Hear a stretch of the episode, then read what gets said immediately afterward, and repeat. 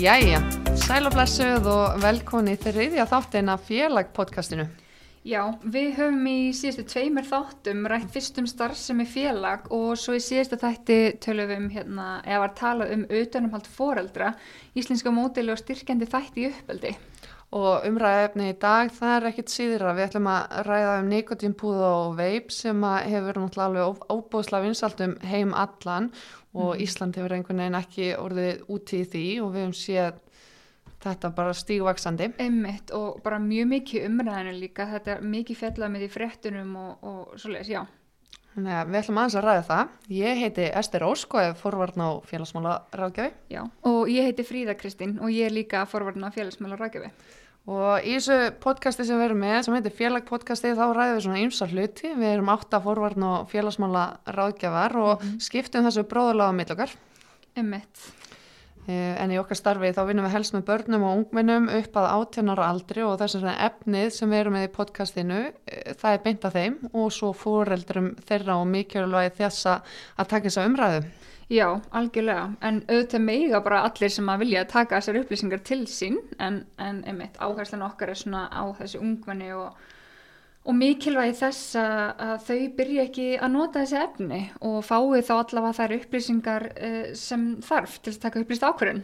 Yes, en við ætlum að fara alveg 7 ár aftur tíman og kannski átt okkur því hvað veldur því að nikotínpúðar eru til í dag. Mm -hmm. og þess vegna þarf við raunin að fara þessi 7 ár aftur tíman og að því að þá var tóbak og, og nikotín til, þetta hefur einhvern veginn þróast með mannkynnu allan þennan tíma, tekja á sig ymsar myndir.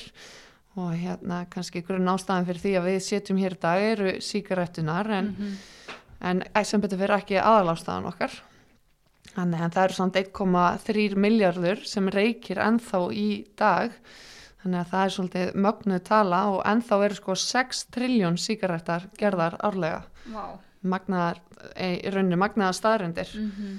og kannski sorglega staðrendi í, í samhengi við þetta er að það deyra meðaltali einn jærbúi á 6,5 sekundna fresti af völdum tóbaks í heiminum Þetta er alveg bara alveg hræðilegt. Líka manni finnst þetta eitthvað svo ótrúlegt að þegar maður heldur eitthvað að þetta sé bara búið allavega, allavega sko með síkaretnar en þetta er ennþá greinlega bara að lifa góðu lífi. Já, maður sé alltaf færri og færri nót þetta og maður mm. veldi fyrir sig hvort þetta að því að það er ennþá 1,3 miljardur að mm. reykja þetta hvort þá sko við sko vestræna heiminn jafn mikið og kannski þá sem eru ekki með sko, forvarnar stefnu, maður veit það ekki en kannski önnur sorglega starrend er að það er yfir 7000 eituröfni í reiktópaki og 2500 munn og neftópaki það er náttúrulega eitthvað sem kom í ljós alltaf með tímanum. Já.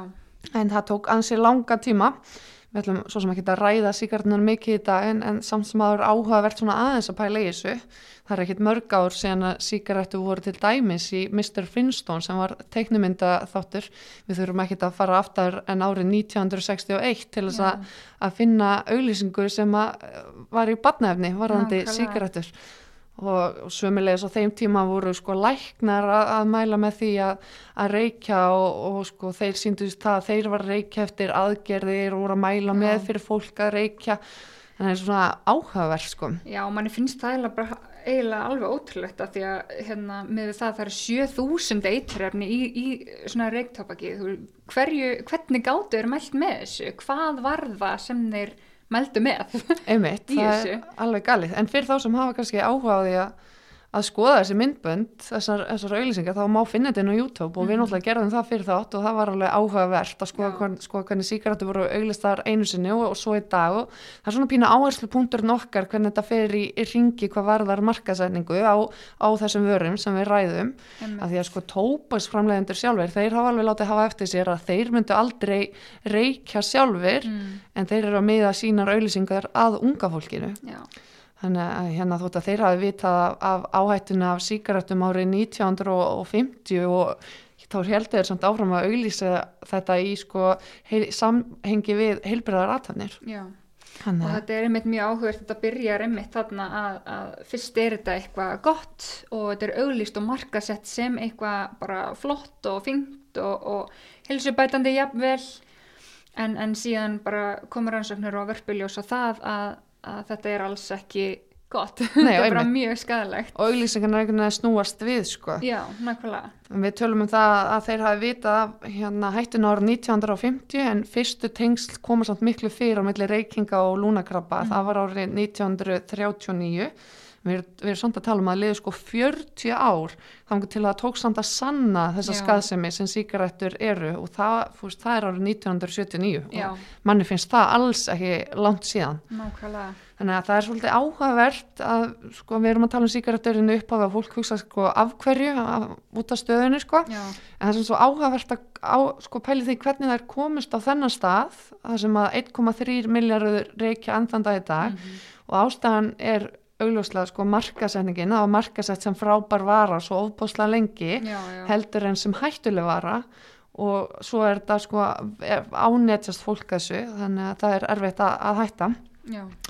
og þannig að sko forvarnir skipta svo miklu máli og þær hafa gert það gætt síkarettunum þannig að tekjur fóru að draga saman og tópasframlegendu þurfti að fara að leita eitthvað annað til að, að sko dríja tekjur þótt Bara væru komið svo sem ágætar á þessu tíma.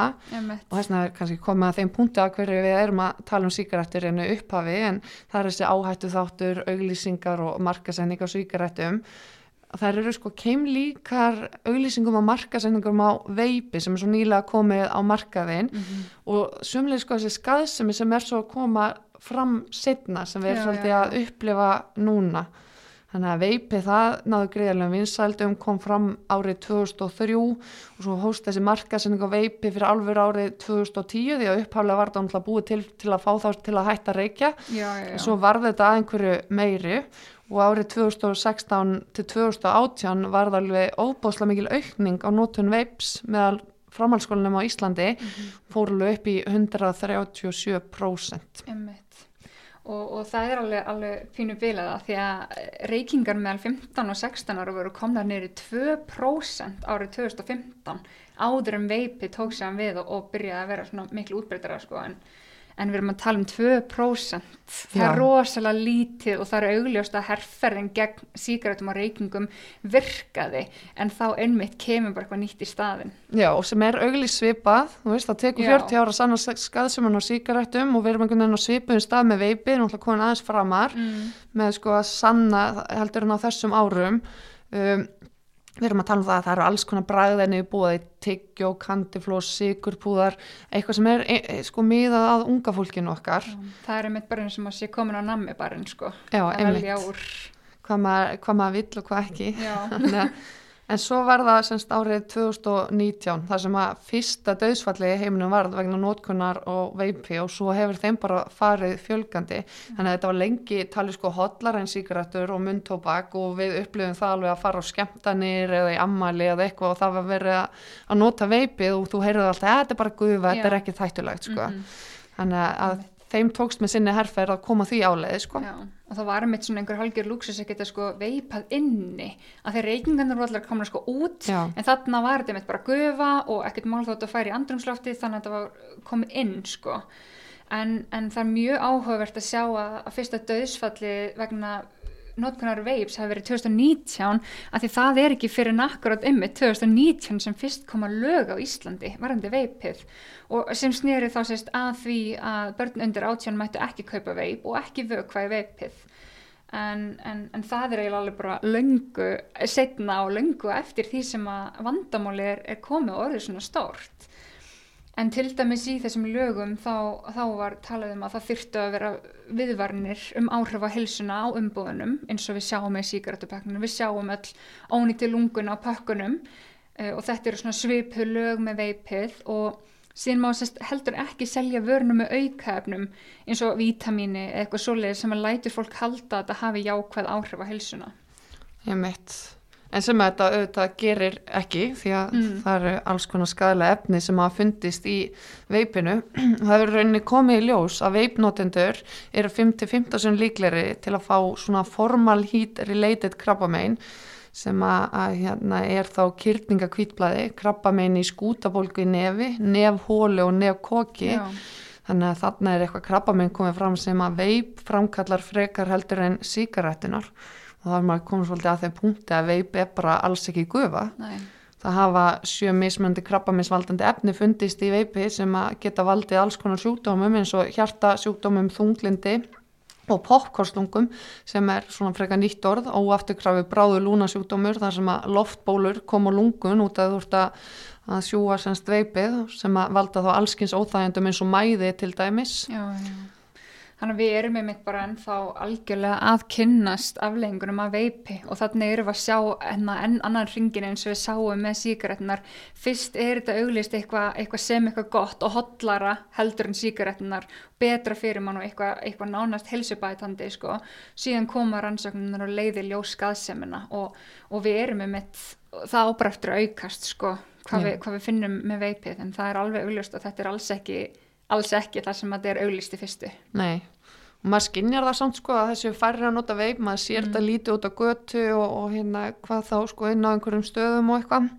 Og maður, þá verður maður að velta fyrir sér eru forvarnir farnar að, að skila einhverju tókst sko af því að maður, við fórum í þessa herrferð allavega fyrir á Akureyri að, að fara inn í bekki í grunnskólum og fræða þau um veipið Já. og bara vá, hafðist að, að kynna þeim fyrir því hvað áhrif þetta hefði eins og maður, eða hvað af því að svo hafa sko, það sem kallaði nikotínbúðar komið mm. fram sem eru nýtt og við ætlum að fara hérna aðeins betur á eftir en ástæðan fyrir því að nikotínpúðar eru komnið fram er svona eiginlega svolítið misannu markasending á veipinu og þetta hafði ekki þau sömu áhrif og kannski síkarettuna gerðu á sín tíma Nei. en náðu ekki sömvins aldrei um að það var fljótt að draga úr því og þá hafa þeir sem eru á bakvið þetta farið að einbita sér að tópaksfríum vörum mm.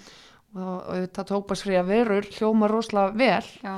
en í, í staðin er nikotín efnið þá að, í aðalhlutverkjana og og nikotínafnið per se, það er ekkert grín sko Nei, tveir til þrý drópar á hreinu nikotínu þeir geta reynst bannvært skamtur og þetta er mjög örfandi efni og, og mjög áhannabindandi og hefur verið sett í sama flokk og sko kokain og, og heroin mm -hmm. og mhm. það væri aldrei selt út úr búð, við erum rúslega hissað við sæðum kokain og heroin upp í hillu í búð. Já, en, en við sjáum nikotíni selt í þessum, sko þessum hvað heitir þetta? Svona dollum, dollum og, og svona takmarka sett út af þetta. Já, það er mjög áhrif, á, hérna, áhugavert og, og hérna, þetta er náttúrulega leðið til losunar á ýmsum bóðafnum svo sem endorofíns og adrenalins og vakstahormona sem að gera það verkum að fólk verður svona háð þessu. Já No, og þegar við fórum á stúana fyrir þátt og vorum að kynna okkur efni og lásaðu mikið til sko, viðtal og netinu við fólk sem að, að er reyna að hætta að nota þetta hefur ekki tekist að hætta að nota sagt, þessa púðar sem við munum ræða á eftir Já. og þar hafa við bara líst sko, þessum frákverfum sem er þá erðarleysi, kvíði, pyrringur, þunglindi, höfuverkur, mm. magaverkur, svebleysi, svimi og auki matalist. Já og einmitt við, ef, við, ef við hugsaum um sko ungumennin sem er að nota þetta uh, ef við hugsaum kannski bara um 14-15 ára úling sem er að nota nikotín púða að upplifa þessi frákförf og, og hérna, það er bara ekkert grín með við það að bara hvernig þau eru bara að lifa lífinu sínu, bara skóla og, og hugsanlega íþróttir eða aðra tómstundir og vera síðan að takast á þessi frákförf bæta þessu ofan á. Bæta þessu ofan á einhvern meginn En þetta er kannski ástæðan fyrir við setjum inn í dag, það er þessi nikotínpúðar sem hafa verið að reyða sér til rúms og eru búin að, búin að vera á markaði í Evrópu síðan 2017 og urðu svona, það var eiginlega sprenging hérna á Íslandi í byrjun 2020, Já. myndi ég segja. Já, algjörlega. Og hérna... Það fór að koma líka inn margir mismundi framlegendur og, og bara margar mismundi bræðtegundir og, og margasetning auðvitað Eh, bara aukinn. Já, við sáum sko með veipi að þá koma alls konar búðir upp, Já. það er bara eins og gorkúlur út um allt, Emmett. en sko nikotínpúðunar eru við að sjá að koma inn á vefsíður frekar, Já. við erum að finna frekar inn á vefsíðum, hérna, en þetta eru svona, fyrir þá sem ekki þekkir það, þá er þetta semst púðar sem innihalda nikotín, fyllefni og svo bragðefni og þeir fást í mismundi styrk og þetta er svona í puntaformanu og minnir að sko veikasti er einn Já, og svo hæsti að fjórir. Mm -hmm. já, en innihaldi er sko frá 2 milligrammum og upp í 36 milligram sem er svolítið myndi maður segja mikið nikotín 36 milligram. Þetta er svo sett undir efri vörn og geimt það er 30-40 mjöndur á meðan að virknin er að koma á púðunum. Og þeir nota, njóta ofbúslega vinsalda hér á Íslandi og unga fólki okkar er að nota þetta mikið. Já, kannski af því að þau er ekki alveg með að reynu hvað, hvað getur komið á eftir því að nota nikotínpúða það sem er erfitt og sorglegt er að það er ekkit eftirlit með innflutningi á vörni þetta bara fellur ekki undir þess að tópasvarnir Mm þannig að það er bara hægt að kaupa þetta út úr búða, þetta er bara fyrir framann alla og svo auðvitað á netinu. Og við munum koma inn á það setna, verkefnu stjóri tópasvarnæðinu Íslandi eh, talaði um það, þetta fellur ekki undir lög en það samt sem að það segir ekki að við vitum bara ekki um innihald púðana, Já. nefn púkana eins og er þannig að, Þannig að við erum í rauninni bara á rosalum byrjunarreit já, með, en, með þetta. en einu sinni En einu sinni, þetta er, er, þetta er svo nýtt sko en, en, en auðvitað vitum við hellingu um nikotín efni sjálft. Já, og ef maður pælir í því þá sko skráðu nikotínlif sem er að hjálpa fólki að hætta að reykja og fást í apoteki, þau eru 4 milligram, það. Já. er sérst 4 milligram af nikotín í því, en þú getur farið út í hvaða búð sem er nánast, hvað hérna svona markað og getur farið inn á, á netið og keft þetta sko 36 milligram. Já, bara út í hagkaup sko. bara út í hagkaup. Þannig að það er svakalegt. Já, 50-60 milligram geta reynst bannvægt skamtur fyrir fullori fólk sem að, nota þetta.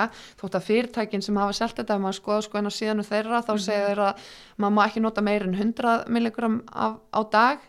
En, en það hefur sagt að 50-60 milligram geti reynst bannvægt skamtur það því það ef þú tekur tva, tvær, tvo svona póka sem eru 36 milligram og setur upp í vöruna sem mm. tvo í einu þá er það í rauninni skamtur sem getur verið bannvægt einmitt. Þannig að við erum komin enn einu sem með þannig að ringa á tópasvörum og fórum líka og tjekkum sko hver á þessi, þessi fyrirtæki sem Já. eru að selja þessa vörur. Og til dæmis Jull sem að er að selja svona, þeir Malboro á hlut í því fyrirtæki. Já, þeir eiga það ekki en þeir eiga hluti og Lyft sem er alveg ofbóðslega vinsaldinn á Íslandi og maður sér eiginlega alla með það er eigu British Tobacco Company. Mm.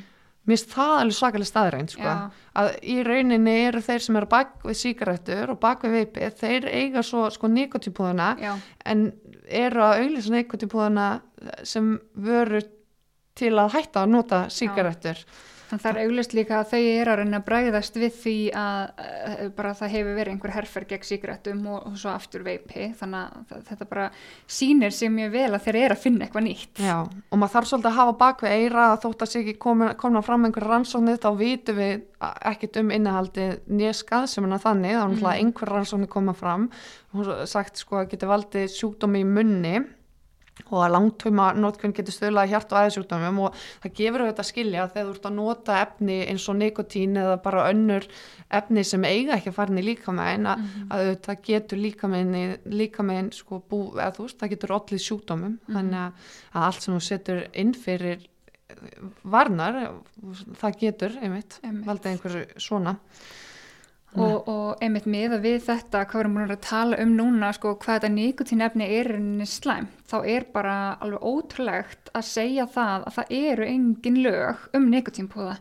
og það, er, það eru engin lög, að bara þetta fellur ekki undir, af því það er ekki tóbak í þessari vöru, þá fellur þetta ekki undir tóbakslögin, þetta sama og hérna, sígarettunar til dæmis eða íslenska myndtóbaki og, og hérna, já, þannig að, þannig að það eru engin lög að reglugera þér Nei, einmitt og, og eins og ég nefndi áðan með veipið sko, þá til dæmis var komin lög um það að það mætti ekki auglýsa það með neinum svona aukæfnum eins og vítaminum eitthvað sem lætur mann halda að þetta hafi jákvæð áhrif á heilsuna. En einhverstað las ég að nikotínpúðar innihalda til dæmis trefjar og eru auglýst þannig. Og það er einmitt pínu þetta, þarna er verið að auglýsa, við vitum öll að trefjar eru góður og, og eitthvað sem bara er gott fyrir líkamann og þarna er pínu blekking, það er verið að láta fólk halda þetta hafi heilsubætandi eiginleika. Og ég er einmitt búin að lesa líka nokkra fréttir þar sem að læknar meðal annars er að tala um og gaggrina að sé ekki búið að setja einhvers konar neyðarlög á nikotínpúðana af því að núna er sögulega aðalum heimilt að segja hvað sem er um vöruna og auglýsina bara eins og þeir vilja. Og það segir sér þetta sjálft að þeir nýta það að geta auglýsta á þennan jákvæða hátt sem þeir gera og við munum tala meira um hérna á eftir. Og, og hún Lára Sigurðardóttir læknir bendir einmitt á, á það að þetta á ekkert erindi til batna þetta er uh, nikotínir flokka sem ávana bindandi eitur efni. Og, og hún segir einmitt líka þetta að, að barn geti fengið frákvars enkenni vegna nikotín neyslu alltaf 15 sinnum á dag. Og þetta finnst mér alveg bilað bara, við erum að tala um þessi frákur sem við tölum áðan, bara vannlíðan, óraleiki, yrðarleysi og pyrringur og bara það fyrir hérna úling að upplefa þetta á barn og vera takast á þetta 15 sinnum á dag bara í lífinu sínu er ótrúlegt. Já, ég held að við vitum öll hvað er erfitt að vera úlingur fyrir sko, að takast á alla sína breytingar ef maður bætir þessu ekki ofan á. Já, það er bara engin þörf fyrir þetta í líkamanum. En af því hún nefnir líka þetta 15 sinum á dag sko, hún talaði líka um það að ef þú reykir sko, ekkert badd getur reykt þrjár síkaretur í einu, í einu en Já. það getur tekið einn púða og, og þá er það búið að fara upp í flokk með þrejum síkaretum. Emmitt, það er al alveg bila og hún talar um þetta og, og setur svolítið ábyrna á okkur, okkur fullorðna fólki að setja einhverja takmarkanir og, og bræðast við þessu. Af því að, að, því að auðvitað ætlar ekkit bann sér að verða að há þessu. Þetta byrjar auðvitað allt sem eitthvað bara skemmtilegt og áhugavert og spennandi og byrjar bara með þessu fyrkti en síðan verður verði þessu ungmennu auðvitað að há þessu og og það svona er að pínum um þetta okkar höndum að setja einhver lög á þetta á neðarlög Já, komur svolítið í veg fyrir það að þau sé, komir svona nált þessu svona auðvelda Já, og, og þetta er mitt uh, tengist þetta því sem við erum að tala um að, að með þessa auglýsingar og marka settingu á þessum nikotín púðum uh, en það eru þau tala um mjög auglýst að nikotínefni er mjög skadilegt en þess vegna erum við mjög hérna, áhugast að sjá hversu jákvægt þetta er auglýst og, og markasett en ég var einmitt að fara svolítið í gegnum þessari auglýsingur og sölu síður hjá þeim sem er að selja þetta á Íslandi, hvað þeir eru að segja. Og að þetta eru þá sölu síður sem er að selja sko á netinu og beint heima dyrum síðan, þetta kemur bara heimsend Já, þú getur farið bara og, og, og hvað, bara valið sko, við pröfum það, við veldum bara dag bæðingar daginn okkar, bara bylluðum bara einhver dag Já. og voru konin og síðan og gátum kift og látið senda til okkar án nokkrar ábyrðar mm -hmm. þannig að þú ert búin að missa þennan milli aðeila sem þú ert með í búðinni sem er þá búðar manneskjan sem að, að afgreði þig og, og getur þá stoppað vantar að sjá skilríki. Einmitt. um þetta vantar upp á þarna. Já, það er með þegar maður fer inn á þessar sölusýr þá fyrst mætir manni gluggi sem að byður um aldur og, og fæðingrár og, og svo leiðis en, en einmitt það er bara engir eftirmálar því að maður lígur bara til um aldur og já, ekkit sem stoppar manni rauninni En, en mjög áhugavert að sjá hvað þessi sölualar er að segja um nikotínpúðuna af því að til og með eins og inn á einni af þessum sölusíðum það eru flipar, það er verið að tala um bara hvaða nikotínpúðar eru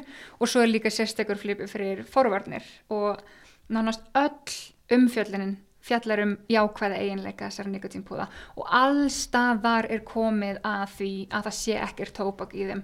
Og ég mæli bara mjög mikið með því að skoða þetta sjálfur, bara fara inn á síðan og sjá hvað er verið að segja. Eh, það er eiginlega engin umfjöllin um nikotínöfni sjálft og hvaða eh, áhrif það hefur. Það er líka heldur ekkert verið að tala um það að uh, af hverju verðum að nota þess að púða veist, not, það, það er verið að nota það til þess að fá eitthvað út úr þessu. Við fáum eitthvað kikk en, en það er ekkert verið að tala um það. Það er bara verið að tala um það að sé ekkert tóbak og auðvitað snýst markasetningin uh, mikið um það að þetta hendi þeim vel sem vilja hætta tópaksnæslu og, og já, þannig að útgangspunkturinn er alltaf þessi, það er ekki tópak og þessin er þetta bara flott og maður áður en ekki að spurja nefnir að spurninga af því að allt annað er bara auðkatri fyrst að það er ekki tópak, þá á þetta bara að vera one nice og svo líka mjög gaman að sjá að undir forvarnar flipanum þá er bara haldið áfram að hamra á þessu að það sé ekki tópak þannig að forvarnirnar snúast um það að, bara að tópaki forvarnirnar eru um tópak ekki nikotín efnið eða púðan sjálfa. Sem við vitum núna eftir að hafa aðeins rætt um nikotín efnið að það er hérna, auðvitað skasamt emmitt, algjörlega Og, og líka hérna, er talað um hann einn á sem síðum og maður eiginlega bara nóði þetta í þrjá mánu og hérna, þá svona einhvern veginn ætli, ætli fólk að ég þá ekki verið að búið að sko minga styrkleika nú mikið til þess að ná bara hætt alfarið. En einmitt með þessar upplýsingar sem við erum búin að vera að, að kynna okkur og koma fram hérna er að hvað þetta er ávana bindandi og frákvæmsenginin er svo mikil þá finnst mann þetta eitthvað óraunhæft þessi tíma viðmið, Já, þrjú mánuðir maður getur svo sem séð kannski þá sem hafa verið að reykja að, að, að, að reyna að nýta sér þetta en þá setjum maður aftur spurningamerki af því að það er verið að selja nikotínlif út úr livjabúðum þannig að þá aftur einhvern veginn kemur á þeim punkti. Já, og, við, og líka því við erum að tala um ungmennin, við erum ekki sjá neinn ungmenni byrja á þessu til þess að nota bara þrjá mánuði, sko. Nei, Og, og, og hérna, já. Þannig og það hlýtur að vera eitthvað á baki þessu, af hverju bara þrjá mánuði, hvað gerist eftir þessi þrjá mánuði? Er eitthvað sem við vitum ekki, Nei. sem þeir eru ekki að segja okkur? En já, bara eins og segi, þetta er markasett í dag sem eitthvað gott, eh, auðveldur kostur, fjölbreytt úrvala bræðtegundum og, og, hérna, og bara auðveld að nota þetta, það, það er bara eins og sé vera að auglýsa nammi og þá erum við rauninni komin bara enn einn hringin eins og við erum búin að vera að tala um mikið hérna, þú veist, í byrjun og við erum þetta á byrjunarreitt með sem nikotínpúða og nú erum við á því stígi að það er verið að auglýsa þetta sem eitthvað gott og helsubætandi og það eru trefjar og það eru mismunandi bræðtegundunar og, og Og flokkast ekki undir tóparsvarnalögin okkar Einmitt. þannig að bara við erum alveg komin aftur til 2016 þegar veipið varð ótrúlega vinsælt. Já, einmitt og við bara verðum þetta að passa okkur að blekkjast ekki af þessu af því að uh, bara miðið við rannsóknuna sem við höfum varnandi nikotín efni sjálft þá, þá verður hérna, við eigum bara vona á frekar rannsóknum með þetta og skaðsemina á þessum fúðum. Þannig að þetta er, þetta er, þetta er óbúslega áhugavert efni að fara Já. yfir og svona skoða hringina sem þetta hefur farið í og mikilvægt bara einmitt þessi umræði sem við erum að taka hérna að fóreldrar takja þetta með börnum og ungmennunum sínum því að, að þau heyra ímislegt frá sínum jafnöldurum um Já. sko að þetta sé ekkit endilega hættulegt og þetta sé svo auðvelt og svo lítur bara pakningin vel út Mhm. Já. og lyktin er oft góð af þessu og Mhm. þetta er svona, þetta er alveg þess valdandi að ungmenni vilja pröfa þetta þetta Já. virkar ekki sem eitthvað sem geti haft skadalega áhrif og kannski ekki fyrst í púðin en til lengri tíma litið þá bæði hvað var það sjúdóma en svo líka bara ætla að hætta á þessu það er óbúslega erfitt Einmitt, algjörlega. Og við erum náttúrulega líka að sjá sko ungmenni sem að hafa aldrei, aldrei reykt eða ekki ekki þess að veipað heldur sko, þau eru kannski að byrja á þessu og, og það er náttúrulega alls ekki nógu gott af því þannig erum við líka að sjá markasetningin sem að snýra því að fólk á nota nikotínpónu til þess að hætta hinu, hún er þarna fyrir eitthvað á skjön við það sem að ungmennin er að fá sko. Já, einmitt. Þannig að, þessuna líka eru forvarnirnar svo mikilvægar að því að, að, því að þarna er komið við kannski pínu inn og erum að leiðrétta þetta svolítið. Að, að þó það sé ekki tóbak þá er auðvitað stendur eftir nikotín efni og alls konar auka efni líka uh, rótvarnarefni til dæmis sem eru bara í stórum stíl Já, í þessum púðum. er, sér það bara aftan á pakningunni það er alveg talin upp nokkur mismunandi rótvarnarefni algjörlega og, og það bara er eitthvað ekki, ekki alveg rétt aðna mm. Og hérna já, og það er líka bara einhvern veginn er endalust hægt að dansa í kringum þetta en staðrindin er bara svo að nikotín er ekki skadalöst efni og, og ungmenni eru að nota þetta. Þannig og það bara hefur gríðarlega mikil áhrif og auðvitað síðan bara kemur einhvern tímann að því að, þau vilja síðan hætta og, og hérna, þá er bara ekkert grín að trappa sér niður. Og þurfa að takast á við þessi frákvæðsenginni sem við vorum að tala um hérna áðan já, og ofan á daglegt líf. Já, og höfum lesið sögur um hvernig, hvernig hversu erfitt er að takast á við þetta. Já, og einmitt, glum ekki gleyma þessu bara að, að hérna, skilabóðan varandi þetta er jákvætt eins og staðin er núna, bara veist, það er verið að tala um, um þetta á jákvæðan hátt. Já, eins og við sáum með síkarettur og veip Já, Ha. En svona ástæði þess að við erum kannski að snúa þessu að ungmennum okkar er að þegar upp í staði þá er framheilin okkar ennþá að, að þróast og þroskast fram til 25 ára aldurs. Þannig að við getum rétt ímöndu okkur ungmenni frá 13 til 16 ára hver framheilin þeirra er, er stattur og þetta er, þetta er eh, hérna, stað, sem staður í heilanum sem hefur áhrif á, á framkvæmdar starfsemin og aðteglina þannig að það að hann fá ekki að þroskast það getur haft áhrif og það er þessi tauga eitrunar áhrif sem að trublar vitrannan þroska hjá mm ungmennu og, og semst þessi virkni, virkni í tilfinningastjórnun, hún getur Já. bara orðið heft þegar framlega stundir Einmitt. þannig að þetta er sko ekki bara spurningum það að ánýta stefninu, heldur er þetta sko bara spurningum það að líka minn fá að klára sinn þroska Algjörlega. þannig að hérna, já, því setna sem að fólk byrjar því betra og helst bara aldrei auðvitað Og svo erum við líka bara að sjá hérna geðurann vandamál, bara þunglindi og, og kvíða og annars konar fíkni hegðun og, og svo líka þessi vandamáli námi að því að nýgutin getur leitt af sér aðteklisprest og ADHD, hérna, já, þannig að þetta auðvitað tengist því líka og, og svo versnar það bara með árunum ef það er haldið áfram að nota nýgutin og þetta er auðvitað bara eitthvað sem að enginn þarf í sínu lífi Nei og þessara upplýsingar þurfa líka bara að komast til ungmennina, þau heyra sko jákvæð hlutan af þessu og eru kannski ekki alveg að pæla í, í framheilanum á sér Algjörlega. akkurat þegar þau pröfa þess að púða en það getur haft óbúðslega vond áhrif til framtíðar mm -hmm. og kannski bara leta sér verri lífskeiði ef, að, sko, ef við fyrir svo djúft í árina Já. en við hefum kannski komið inn á það en, og höfum aðeins nefnt hana láru Mm -hmm. og, og það að nikotínpúðanir sé ekki bara flokkaðir sem lif sem þeir ja. ættu að vera. Fyrsta, fyrsta einmitt að markasendingin snýst um það að þetta sé notið til þess að hætta að reykja þá akkur er þetta ekki bara selgt í apotekum og, og einmitt sem lif sko? Já, akkur er verið að reyna akkur er verið að fara allir þessar leiðir til þess að höfða til ungmenna? Já, einmitt. Það er alveg sérstakt sko.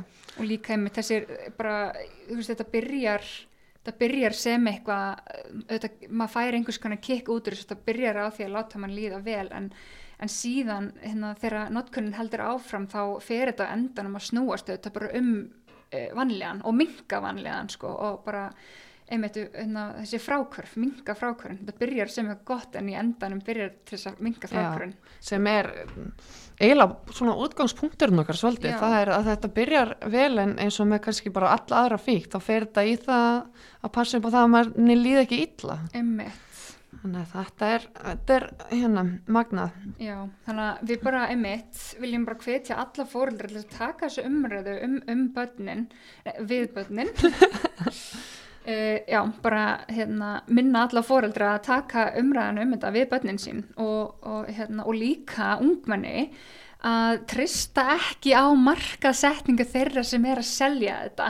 Af því þau bara eins og komið fram bara gera allt til þess að fá fólk til þess að kaupa þetta og það eru þetta þeirra markmið. En, en bara spurja sig pínu sko er þetta þess virði? All, all, alls þessa upplýsinga sem við erum búin að koma með hérna? Já taka þá allavega upplýsta ákverðun um hvort þetta sé þessi virði af því að það er ansi mikið meira heldur en bara að setja púðandi vör. Já, það er mikið undir eh, sko ef að, já, það er bara, það er bara þannig, það er bara mikið undir. Algjörlega Þannig að ég held að það sé bara komið að lokum hjá okkur, Já. þetta er búin að vera gaman. Þetta er búin að vera gaman. Búin að fara yfir söguna og, og skoða nikotín efni, nikotín púðina, veipið mm -hmm. og svo þessa lögju og markasetning og auðlýsingar og, og svo mikilvægi í rauninni forvaldna gegn því að, að þau séu að nota þetta. Algjörlega. Ég held að við með svona útgangspunkturinn inn í lokin hafi alveg svona sett þetta í samengi Já. fyrir okkur. Einmitt. annars bara minnum við á þættina sem eru framöndan og ef við hafi ekki hlusta á þá þætti sem hafa komið út þá hvetjum við til þess. Mm -hmm. og framöndan eru skemmtilega þættir. Óli og, og Arnar verða inn í næsta þætti og ætla að tala um ungmennaráðið og, og, og stöðu nei, hérna ungmenna á Nei, annars ætlum við bara að fara út í góðan dag, eða ekki? Við viljum bara segja takk fyrir okkur Já. og takk fyrir að hlusta. Takk fyrir. Takk